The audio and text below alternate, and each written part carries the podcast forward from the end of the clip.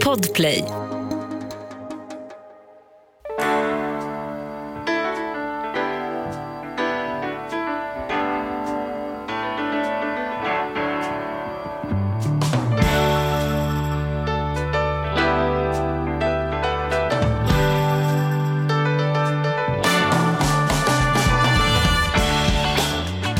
Välkomna till Ekonomi på riktigt med Charlie, Mattias och vän med nålen Magnus. Vi är ju alla tre här idag som The Three Amigos. Kommer ni ihåg den gamla filmen?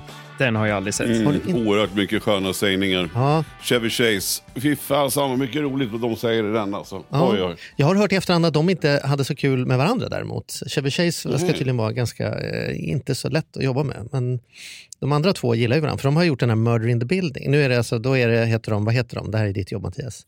Ah, shit, nu är vi som den här ah, podden som min kompis Erik har. De sitter och pratar tv och film men ingen kommer ihåg vad någon heter hela tiden. Det är så jävla pajigt.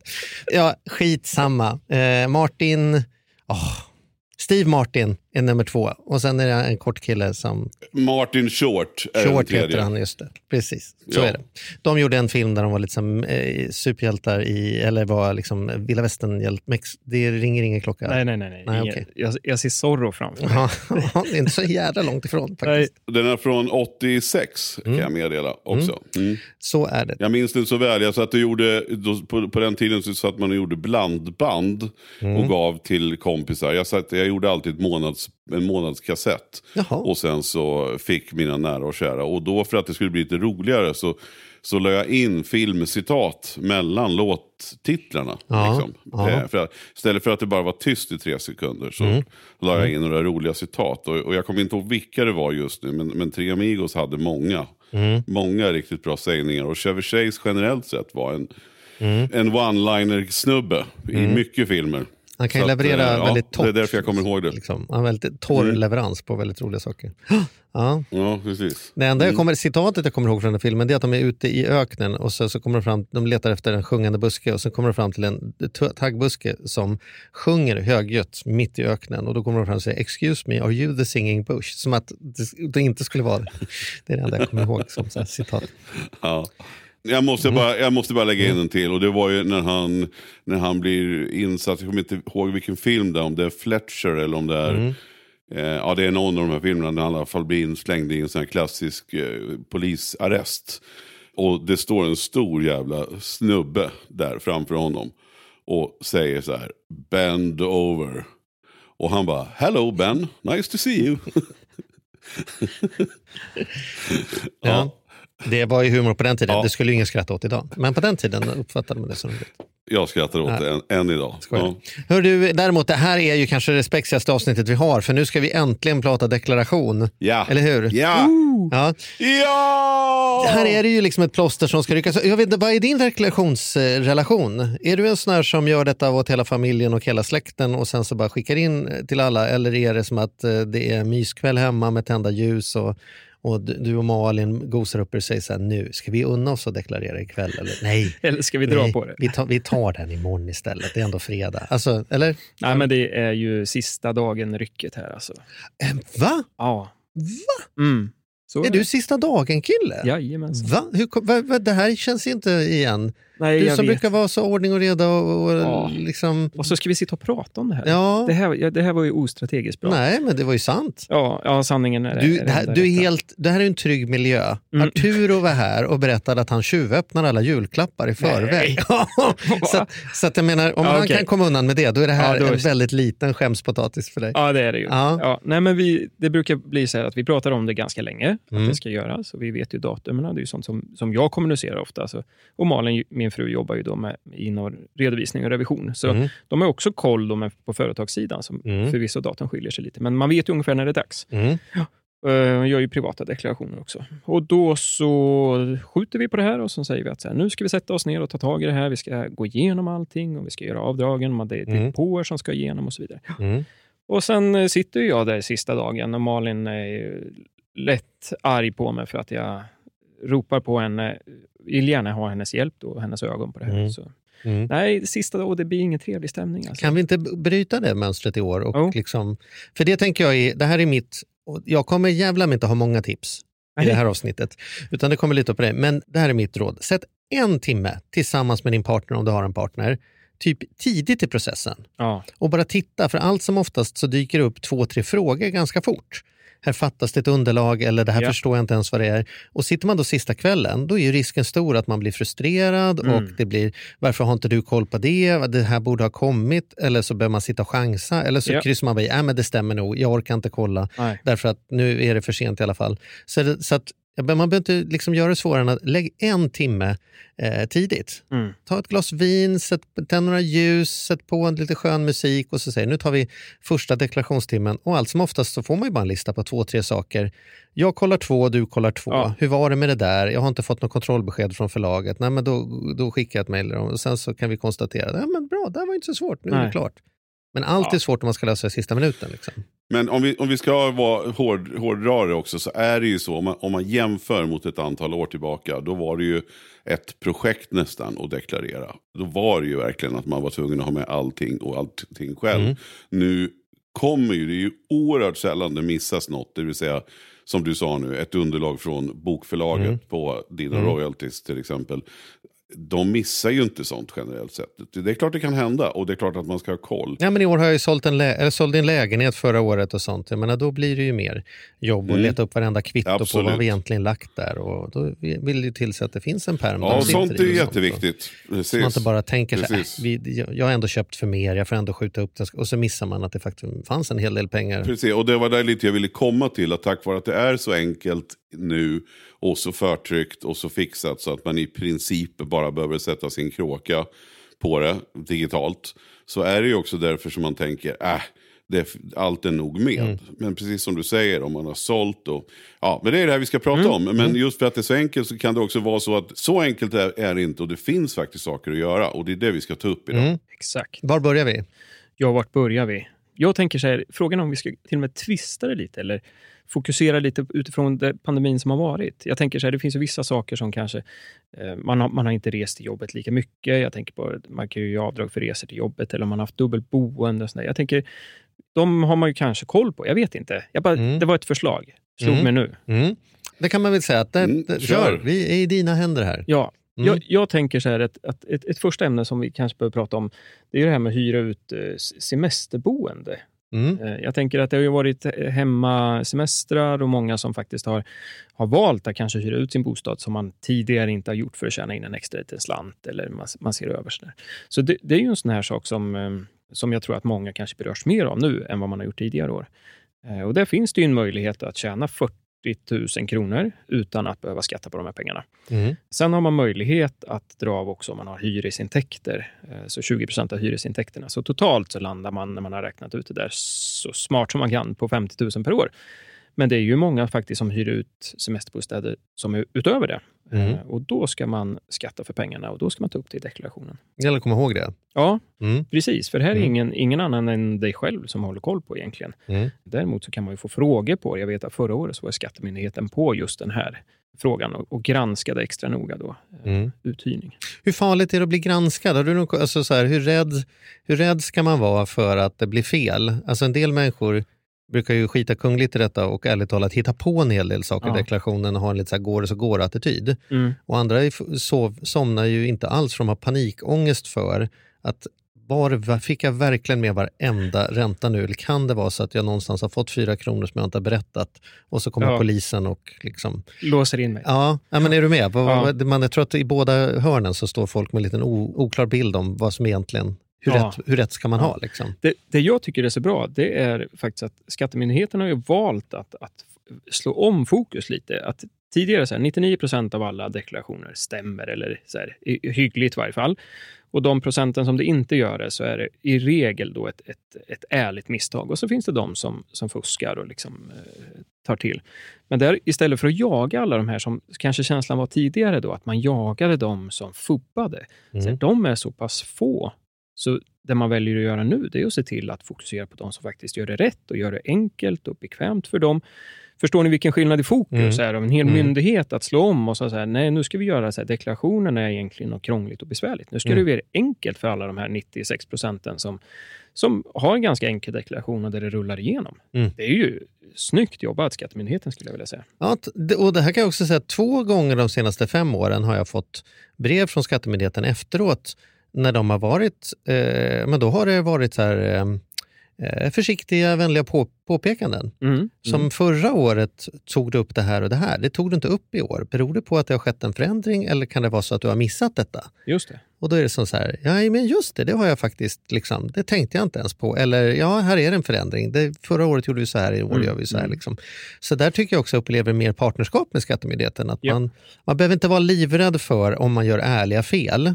Nej. Men man borde med rimlighetens namn förstå att man inte kan hålla på och hitta på. För det kan ju bli granskat och då gäller det att man har svar på tal varför man har hittat på som man har hittat på. Liksom. Verkligen. Och det är ju, det är ju underlag som krävs. Och det är ju Mm. liksom grunden i, i hela skattedeklarationen. Att det finns underlag, att det finns, jag tänker vi kanske kommer att prata om ROT och RUT sen, men Mm. där ska man ju kunna följa betalningarna exempelvis. Betalningen ska sk- skett digitalt då för att enkelt kunna spåra tillbaka. Det går inte att säga att jag har betalat med, med liksom egna pengar ur fickan. Eller så. Mm. Så, så, så länge det här finns och det finns en, en eh, transparens i det hela, så, så är, liksom, det underlättar för dig och det underlättar för myndigheten. Men så här, jag, jag tycker inte att man ska vara särskilt rädd eller att, att här, man ska känna skräcken. Men det, däremot, så, som sagt, så är det klart att gör man fel så behöver man ju rätta till det och det kan ju många gånger då bli, eh, bli eh, olika typer av Alltså det är sällan som det, man får en stor tung straffavgift eller att det blir något så, utan man behöver ju rätta till det. Och det är kanske pengar som behöver betalas in mer i skatt och man får rätta till. Eller Mm. sådär. Så, så i regel så är det inte jättemycket att vara rädd för, men det är klart att vi ska försöka göra rätt.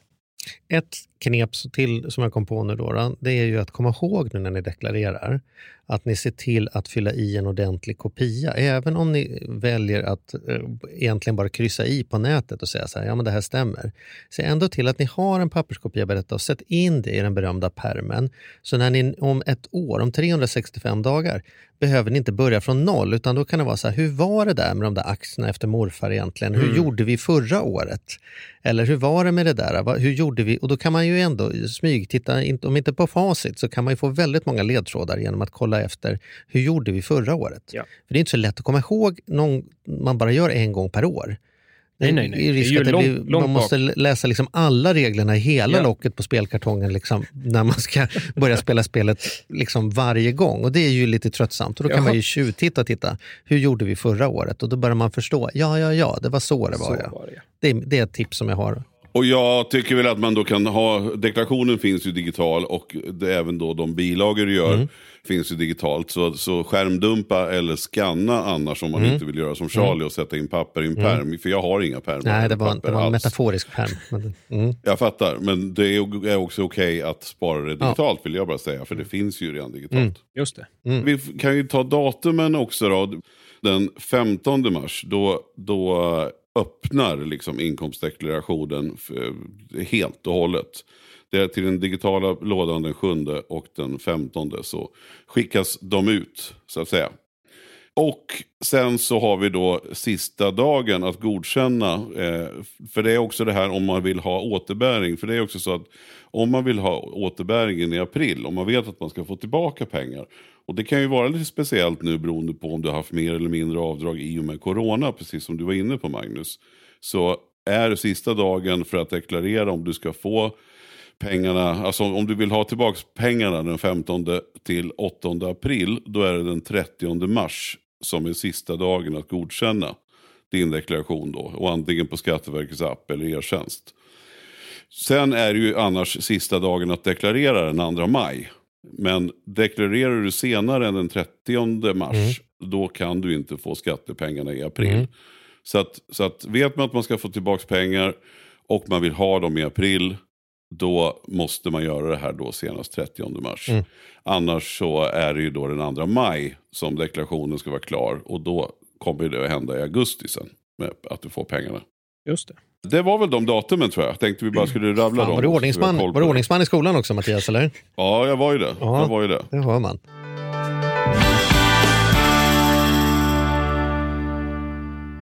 Den här podden gör vi även den här veckan i samarbete med Saveland. Fan Mm. vad kul det är att ha dem med ombord. Mm, jätte, jätteroligt. Ja, vi brukar prata om att man har något band som man såg jag stod Bo Kaspers jädrigt tidigt liksom, innan man gjort tv-debut. Och du har något hårdrocksband som du var jävligt tidig på. Ja, alltså jag var på, på Lilla Teatern Göta Lejon och såg Metallica Ja. 1984. Så gammal är jag. Och jag var i kontakt med Saveland när det fortfarande var typ tre, fyra personer där från början. När jag fick möjlighet att träffa dem.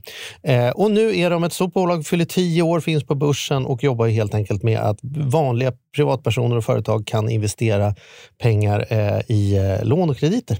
Så man får riktigt bra ränta. Så eh, det rullar på efter tio år, bättre än någonsin. Fantastiskt kul att ha dem med här i podden.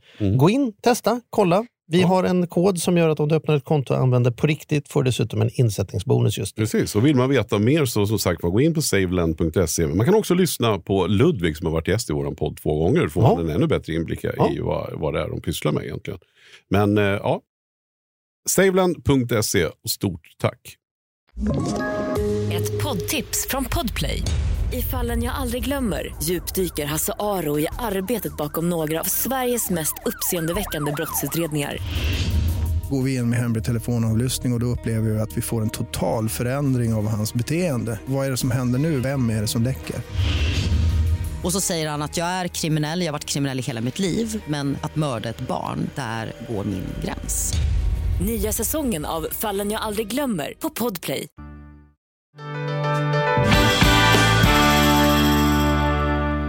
Får jag fortsätta i eh, Ja, gör det. Mm. covid-riktningen? Jag tänker det här, eh, många har ju faktiskt renoverat, har ju siffrorna visat under åren här. Dels så, Rallvirket rusade i höjden. ja, Mm. om man Mm. kanske har tagit in snickare eller eh, man har varit mer hemma och väljer att ta, köpa städtjänster. Eller så. Men ROT och RUT är ju eh, härliga begreppen också. Mm. Där tänkte jag mest bara flagga för att för, för de här sakerna eh, pratar man ju med sin hantverkare om eller sin städfirma eller vad, vad man nu väljer att använda. Så drar ju de av det direkt på fakturan mot dig, så du betalar ju redan mindre och de, de sköter de här delarna och går automatiskt in till Skattemyndigheten. Det man behöver ha koll på under året, vilket jag hoppas att de flesta haft nu, då, det blir lite i sista sekunden här, men det är ju faktiskt att man inte överskrider de här gränserna. Det är ju något som inte Skattemyndigheten flaggar för. Och inte hantverkarna heller. De berättar vad kostar det efter avdrag. Men det är inte upp till dem att vara ansvariga för att det avdraget går igenom. Nej, men precis. Och Mm. de har ju inte koll på om du har tagit in någon annan heller som Nej. kanske nyttjat ROT Mm. eller RUT för. Mm. Så, så här är det ju viktigt då innan man kör igång så att det inte blir en käftsmäll här. Att man Mm. har, har faktiskt koll på de här delarna. Och, eh, och det är så dags nu då, men det kan ju vara värt Mm. att dubbelkolla då, så att har vi gjort rätt? Så att man inte blir förvånad när det plötsligt dyker upp 50 000 till man ska betala som man inte har månadssparat undan nu. Då, då. Nej, precis. Och det är också ett råd, om man kommer fram här i deklarationen till att det blir mycket att betala, eh, liksom, då har man ju en tid på sig innan det ska Mm. betalas. Att Mm. lägga upp någon plan för hur sparar jag, sparar jag undan det. Just Så, det. så får ju vi göra, jag driver ju ett litet bolag, bara mitt och Andreas, där vi har bara liksom lagt en del av våra ägande och lite av våra egna affärer. Liksom. Mm. Och då är det ju då är det så. Här blir det liksom deklarationen, här kommer vinsten, då har vi x antal månader på oss. Då vill man ju inte sista dagen att det ska dyka upp i kalendern. Här ska 120 000 in. Nej. det är ju jobbigt. Utan då, jobbigt. då vill det till att man gör det enkelt för sig och säger så här mycket behöver vi spara undan varje månad för att liksom det här bara ska finnas när det är dags. Mm. Men det tänker jag, hur är det för privatpersoner där? Om man upplever att man återkommande år efter år när man deklarerar alltid får en kvarskatt på 30 000 eller återkommande år efter år alltid får tillbaka 30 000. Finns det inte någonting jag kan påverka vad jag och Skattemyndigheten har för relation under året? Så vi behöver inte vara skyldiga varandra så mycket pengar hela tiden. Ja, det är en jättebra fråga. Lite ledande, men jättebra. Många tycker ju alltid att det är skönare att få tillbaks då såklart. Men, men helt, helt, eh, alltså vad som är bäst ekonomiskt. Det är ju, det är ju naturligtvis att, att få eh, att ligga plus minus Ja. noll. För man vill ju inte, liksom, det är så det ska vara. Ja. Och upplever du att du alltid får för mycket eller alltid får för lite. Då är det ju precis det du ska göra. Du ska prata med, med din arbetsgivare. Även om det, det, den är ditt egna företag. Eller om det är att du har en vanlig anställning. För det kan ju också vara sådär att att man har extra jobb som inte de olika jobben vet om. så att säga. Man kanske jobbar heltid men sen så jobbar man extra på någonting annat. Och det gör då att man kommer upp och tjänar mer pengar så att man borde egentligen ha dragit mer skatt då. Man kanske har tre olika jobb och totalt sett så kommer man upp i en peng som, som motsvarar ändå den statliga skatten. Och då har man ju uppenbarligen betalat för lite och så får man kvarskatt. Och då kan man säga till sin arbetsgivare. Ja, eller så har man jättemycket avdrag för att man har jättemycket räntekostnader på huset. Ja, eller precis. avdrag. Men som säger, säg till din arbetsgivare, och det här är inget konstigt. Alla, eh, om man är ett hyggligt stort företag så har man en personalavdelning och där sitter folk och administrerar lön och de tycker inte att det blir något märkligt om någon hör av sig och säger hej hej, flytta upp mig en tabell eller två eller flytta ner mig en tabell eller två därför att det verkar som om det blir 30 för mycket eller 30 för lite. Det, är, det kommer de förstå vad de ska göra. Då kommer de säga självklart, då förstår jag. Då gör jag så här så ökar vi så, så eller minskar så så blir det perfekt. Och det gör ju inte att man har betalat mer eller mindre skatt när året är slut. Det gör ju bara att man slipper den där klumpsummegrejen vid slutet. Mm. Som ju faktiskt är lite dålig åt båda håll. Att få tillbaka 30 000 kan ju kännas bra, men de var ju dina under hela året. Det är ju, det är ju som den där Dreams-tjuven. Det är någon som har gått och smit, tagit pengar från din ficka och gömt undan dem ett år. Nallat. Ja, eller tvärtom, där man får kvarskatt, då är det ju att man har, levt, liksom, man har använt skattemyndighetens pengar allt Mm. efter året, för, för de visste inte om att en del av dem där värderas och nu vill de ha dem. Liksom. Ja, men precis. Mm. Mm. Mm. Får, jag ta en till? Ja, kör. Härligt. Ja, men det så tänker jag på sparande. Så Sparandet har ju ökat. Eh, I kristider Mm. så har vi en tendens att spara mer och det här har vi pratat om förut. Ja. Men jag tänker också så här, det är många som har upptäckt aktie och fondvärlden som har kanske valt att ta lite risk med sina pengar.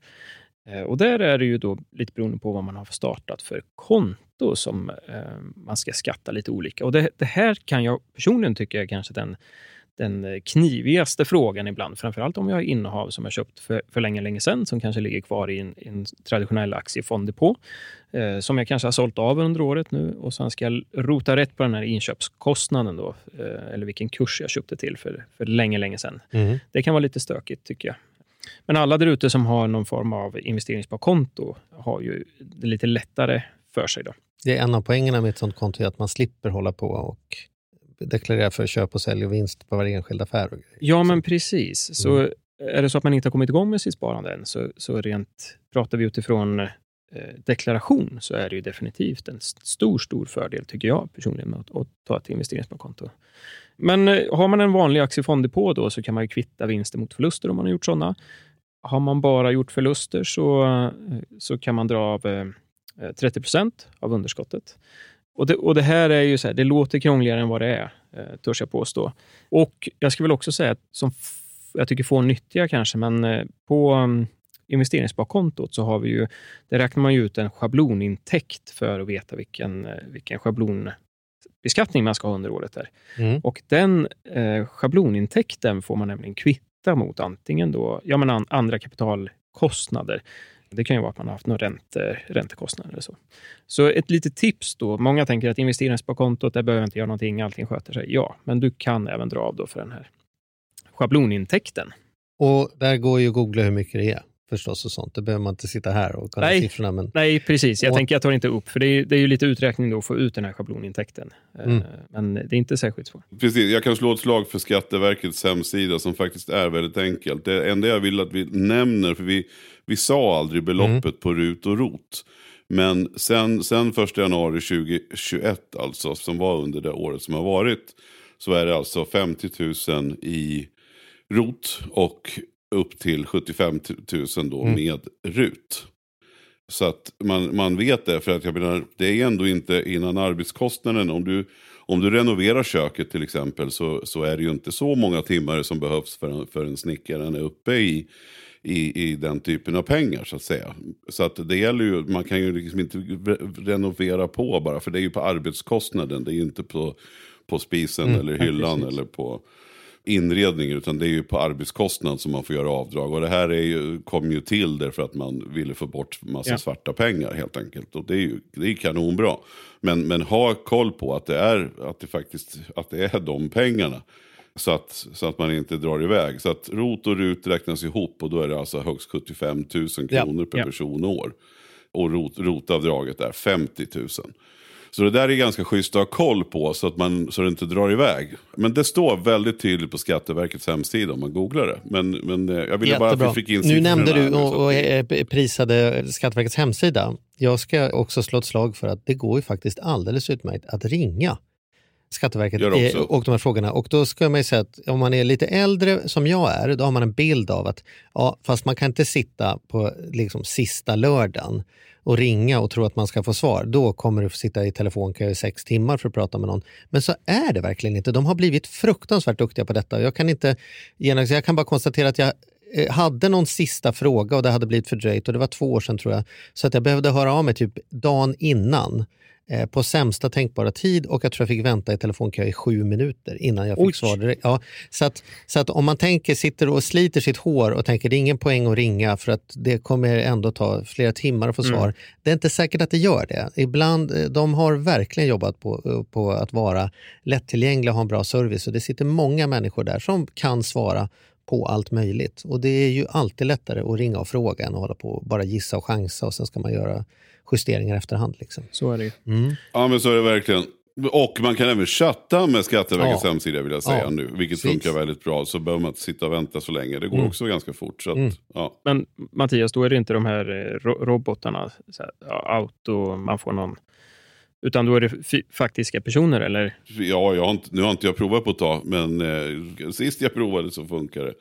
Nej, det tror jag hoppas jag inte. Chattrobotar, vilket jävla skit det är. Man bara känner att man de förhalar kundserviceprocessen genom att ställa frågor jag redan Ja. besvarat 16 gånger. Ja, det, Ja. Det, det, Ja. det finns info att få tag på, så kan vi väl säga. Ja. Och gå gärna på Skatteverkets hemsida. Du kan, du kan chatta, du kan ringa och du kan framförallt eh, läsa och få Mm. information. Mm. Mm. Just. Yes, fortsätt Magnus. Jag ville bara att vi skulle ta med de där siffrorna där. Det var bra. Jag tänker din försäljning Charlie, du sa att du har sålt en lägenhet. Mm. Kan vi inte prata lite om det? För det är ju ändå så här, det kanske det, det händer inte jätteofta, men när det väl händer så blir det ju lite mer eh, lite mer strul. Jag tänker vi har ändå haft en fastighetsmarknad här under Mm. pandemin också som har rusat, så jag tänker många kanske har valt att växla ner om man har haft möjlighet och, och så där. Har du något he- hett tips, du som precis har varit inne i, i det? Ja, mitt heta tips, och det här är ju eh, precis lika hett som det är värdelöst, det är ju att man ska ha, förstå redan när man skaffar lägenheten att det kommer en dag då jag kommer att sälja den eller huset. Och då är det ju vinsten som jag ska skatta för.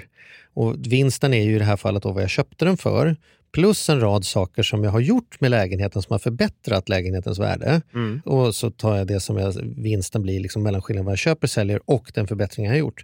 Och den förbättringen jag har gjort, den behöver jag ju ha koll på och dokumentera. Hur Ja. mycket har det kostat? Och det kan ju vara allt möjligt. Det kan vara mycket liksom Bauhaus och Clas Ohlson-kvitton och sådana Mhm. saker som ska med där. Inte bara den där rördragarfakturan. Ja, det. Utan det kan vara en hel del saker. Och reglerna för vad man får ta med och inte ta med handlar om, är det renovering, om eller tillbyggnad, är det de senaste åren eller är det längre tillbaka? Det finns en rad sådana saker, men det finns all anledning att ha det vi har då. Och här är det faktiskt så low-tech att vi har en låda hemma där det är Mm. som så här läggs alla kvitton som relaterar till eh, saker som vi har gjort med lägenheten. Så att när det är väl dags att sälja den lägenheten kan vi ta fram den lådan och sen sortera.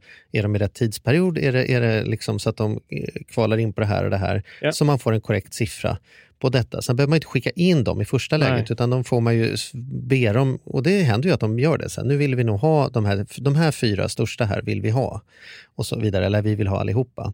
Men det är ju klurigt att sitta nu, om man sålde lägenheten i Mm, år, mm. och försöka komma ihåg var köpte jag duschkabinen någonstans och vad Ja. kan den ha kostat? För att den satt ju kvar när vi sålde lägenheten och det är förstås en förbättring. Ja, du vet, så här. Ja, här lär man sig den hårda vägen genom att man en gång gör det och konstaterar att det var en hel del som jag inte drog av för här för att jag helt Mm. enkelt bara inte hade sparat mina papper. Nej.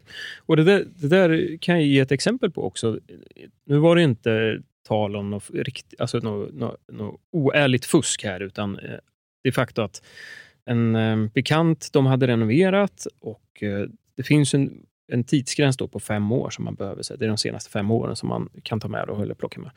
Och det var precis i så där när de sålde. Var det, var det fem år sedan eller var det lite Mm. längre och de hade inte sparat kvitto, men de visste ungefär liksom vad köket kostade. Och så. Mm. Så där valde de att, att ta med det, men, men fick ju då också en granskning och fick ju då korrigera det där i efterhand, för man kunde inte då visa kvitton på de här renoveringarna. Mm. Så även om man, även om man liksom har en, en, en ärlig intention eh, och vet att fast vi la, man kanske till och med tar ner i underkant, vi la 50 000 på köket, men vi säger okej, vi är säkra, vi säger 40 då. Liksom.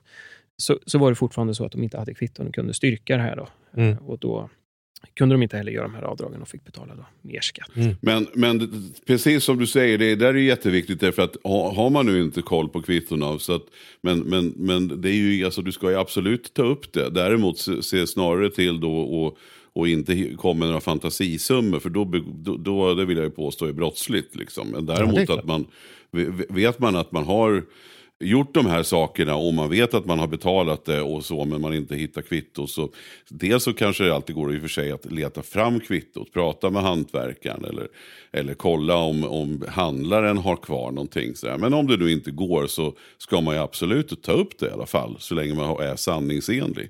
Jag hade en kund för, för en klient för väldigt många år sedan.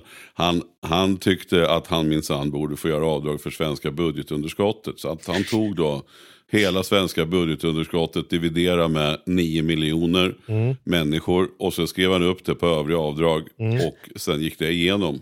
Oj. Och, eh, Han blev väl inte granskad helt enkelt. Så att det var väl... Nej, han vet ju att helt enkelt, och det är ingenting jag uppmanar till. Nej. Och nu har vi väl inte så stort budgetunderskott. Men, men, men jätteviktigt Magnus, där du säger att har man haft kostnader så har man. Och då Oj. ska man ta upp dem. Ja, ja. Det finns, man ska betala precis så mycket man ska betala. Man ska inte hålla på och försöka betala för lite, men man ska heller inte betala för mycket. Reglerna finns ju där för att ta hänsyn till att det ska bli på ett schysst sätt. Så det gäller ju då.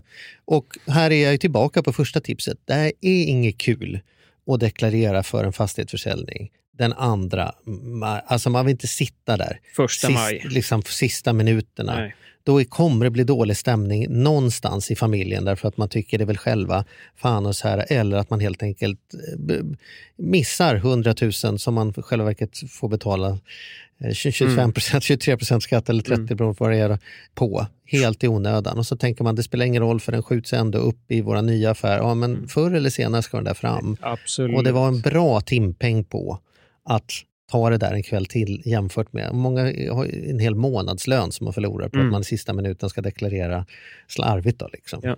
Mm. Har vi några mer grejer Magnus? Nej, men jag tänker bostaden, så här, det, jag håller med dig Charlie, det är superbra.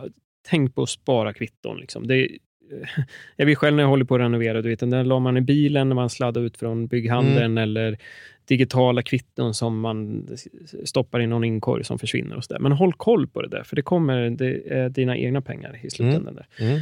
Eh, nej, men när det kommer till bostad annars och försäljning, man har ju möjlighet att faktiskt dra av för mäklararvodet också vid försäljning. Ja. Och eh, vad ska vi kalla det då? Home styling. Mm. Eh, så tar man hjälp med eh, styling då. Så det, det är egentligen kostnader relaterade till den här försäljningen. Eh, Hur är det med flytten? Det kommer Nej. inte jag ihåg. Den är inte räknas med va? Flyttstäd får du inte. Det är egentligen vad Skattemyndigheten då uttrycker som undantaget som du inte kan dra Mm. av Mm. av kostnader relaterat till försäljning. Mm. Då. Mm. Men arvode och styling då, men Mm. inte flyttstäd eller flytthjälp. Så det, det är också många som glömmer. sig. Man, man tar den där kostnaden hela då för försäljningen av mäklaren eller försäljningsarvodet av mäklaren och så tänker man inte på det här. Så eh, den är väl bra att ta med. Mm. Och sen tänker jag väl att i den här vevan, att när man väl har sålt så bör man ju fundera nu eh, på det här med uppskovet också. Mm. Det är ju, skatten på uppskovet har ju försvunnit. Då, så hur vill man göra med det där uppskovet? Det är ju, någon, någon gång ska man ju betala det. Frågan är om, om man tycker att ska man ta det nu eller ska man ta det framåt? Eh, Uppskov bygger på idén att om du köper någonting nytt inom 12 månader så behöver du inte betala den skatten på denna vinsten. Om du gjorde en vinst på fastighetsaffären behöver du inte betala den skatten nu. Utan då säger man med hänvisning till att du inte har några pengar i din plånbok, för de har du satt in i ditt nya boende, så behöver du heller inte betala den skatten förrän du, du säljer den bostaden. Så att säga, när du väl får ut pengar i handen, Ja. då tar vi våran del. Det gör ju inte att skatten försvinner. Man Nej. är lika mycket skatt som ska betalas förr eller senare. Men man säger att du ska inte behöva eh, skuldsätta dig själv extra för att betala oss eftersom du redan har satt in de här pengarna i ett nytt Nej. boende. liksom. Och, och, och viktigt där, det som har försvunnit då sen, sen 1 januari 21, det, det är ju också räntan på det här uppskovet. För Mm. Man kan ju säga att, att bara skjuta bort de här pengarna utan att betala någon ränta, tyckte man förut då. Det var inte rimligt, utan då fick man betala en liten ränta på uppskovet, så det kostade varje år att göra ett Mm. uppskov. Mm. Den räntan är borttagen nu, för man vill uppmuntra den här. Eh, Men eh, det som också är viktigt att komma ihåg med uppskovet, det glömde jag precis. Vad det är som är viktigt? Äh, Vad det är som är viktigt. Mm. Räntan. Nej, men jag hade ju något bra. Jag kommer på det. Okej, det kommer sen. Jag har, jag har en eh, räntegrej till. Nu pratar vi om människor som har eh, sålt sin bostad, rullat på, man har haft resor i jobbet och tjänat pengar. Men för den som har haft det tufft ekonomiskt och kanske har halkat på kronofogderänteavgifter och inkassoavgifter och sådana saker. De är ju också räntor som är avdragsgilla i deklarationen. Men det kommer det inget kontrollbesked på. Alltså bolånen det läggs in automatiskt, men från inkassobolagen och Kronofogden och sånt, det läggs inte in automatiskt.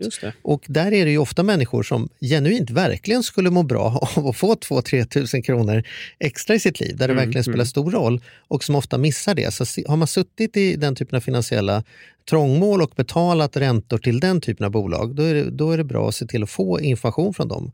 Det kan man inte heller göra sista minuterna, men har Nej, man några dagar på sig kan man skicka hur mycket ränta har jag betalt till er i år som vi inte har fått något kontrollbesked på någonstans och så får man ju då lägga till det och säga här är också räntekostnader jag har haft. Superbra Förvisso för att jag misskötte mitt kreditkort, men det, det lägger ju inte Skattemyndigheten någon värdering på. Ränta är ju ränta. Nu kommer jag på vad det var med uppskovet. Åh, nu kommer den. Nu! Nu har, Kör då, nu jag, har tyst, jag det! jag är tyst så du inte Ja. ska tappa det. Nej, men det är ju att om, om villkor ändras kring beskattning när man har gjort ett uppskov, det är, det är liksom vinsten du gör uppskov med, inte liksom skatten i sig.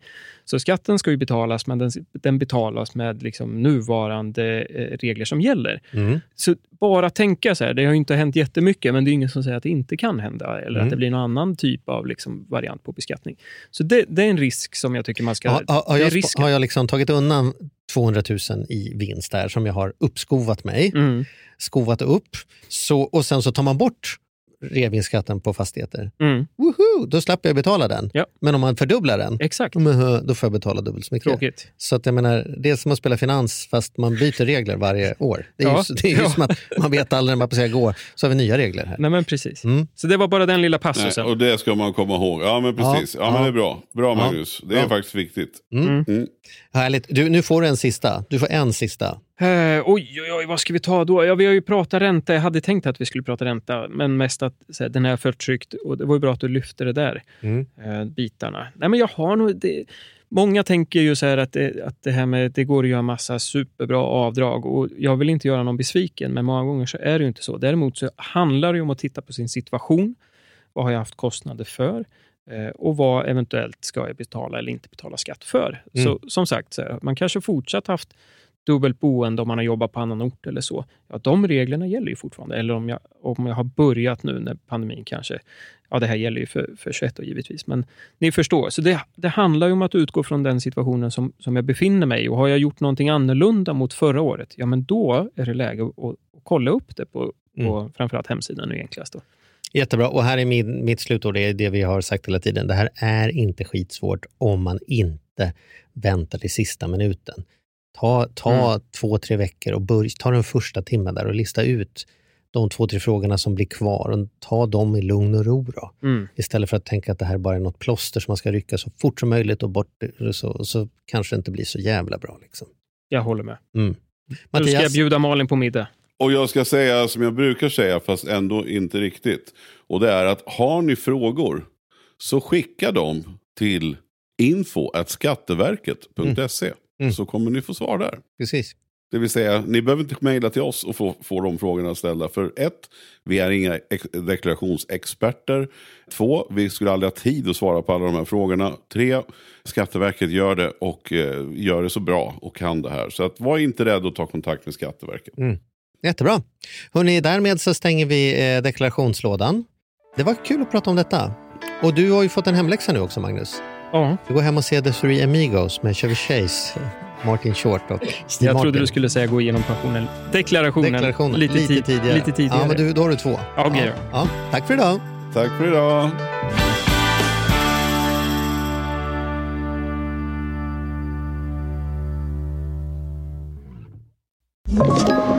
Podplay.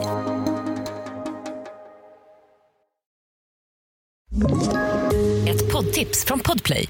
I podden Något Kaiko garanterar östgötarna Brutti och jag, Davva, dig en stor dos skratt.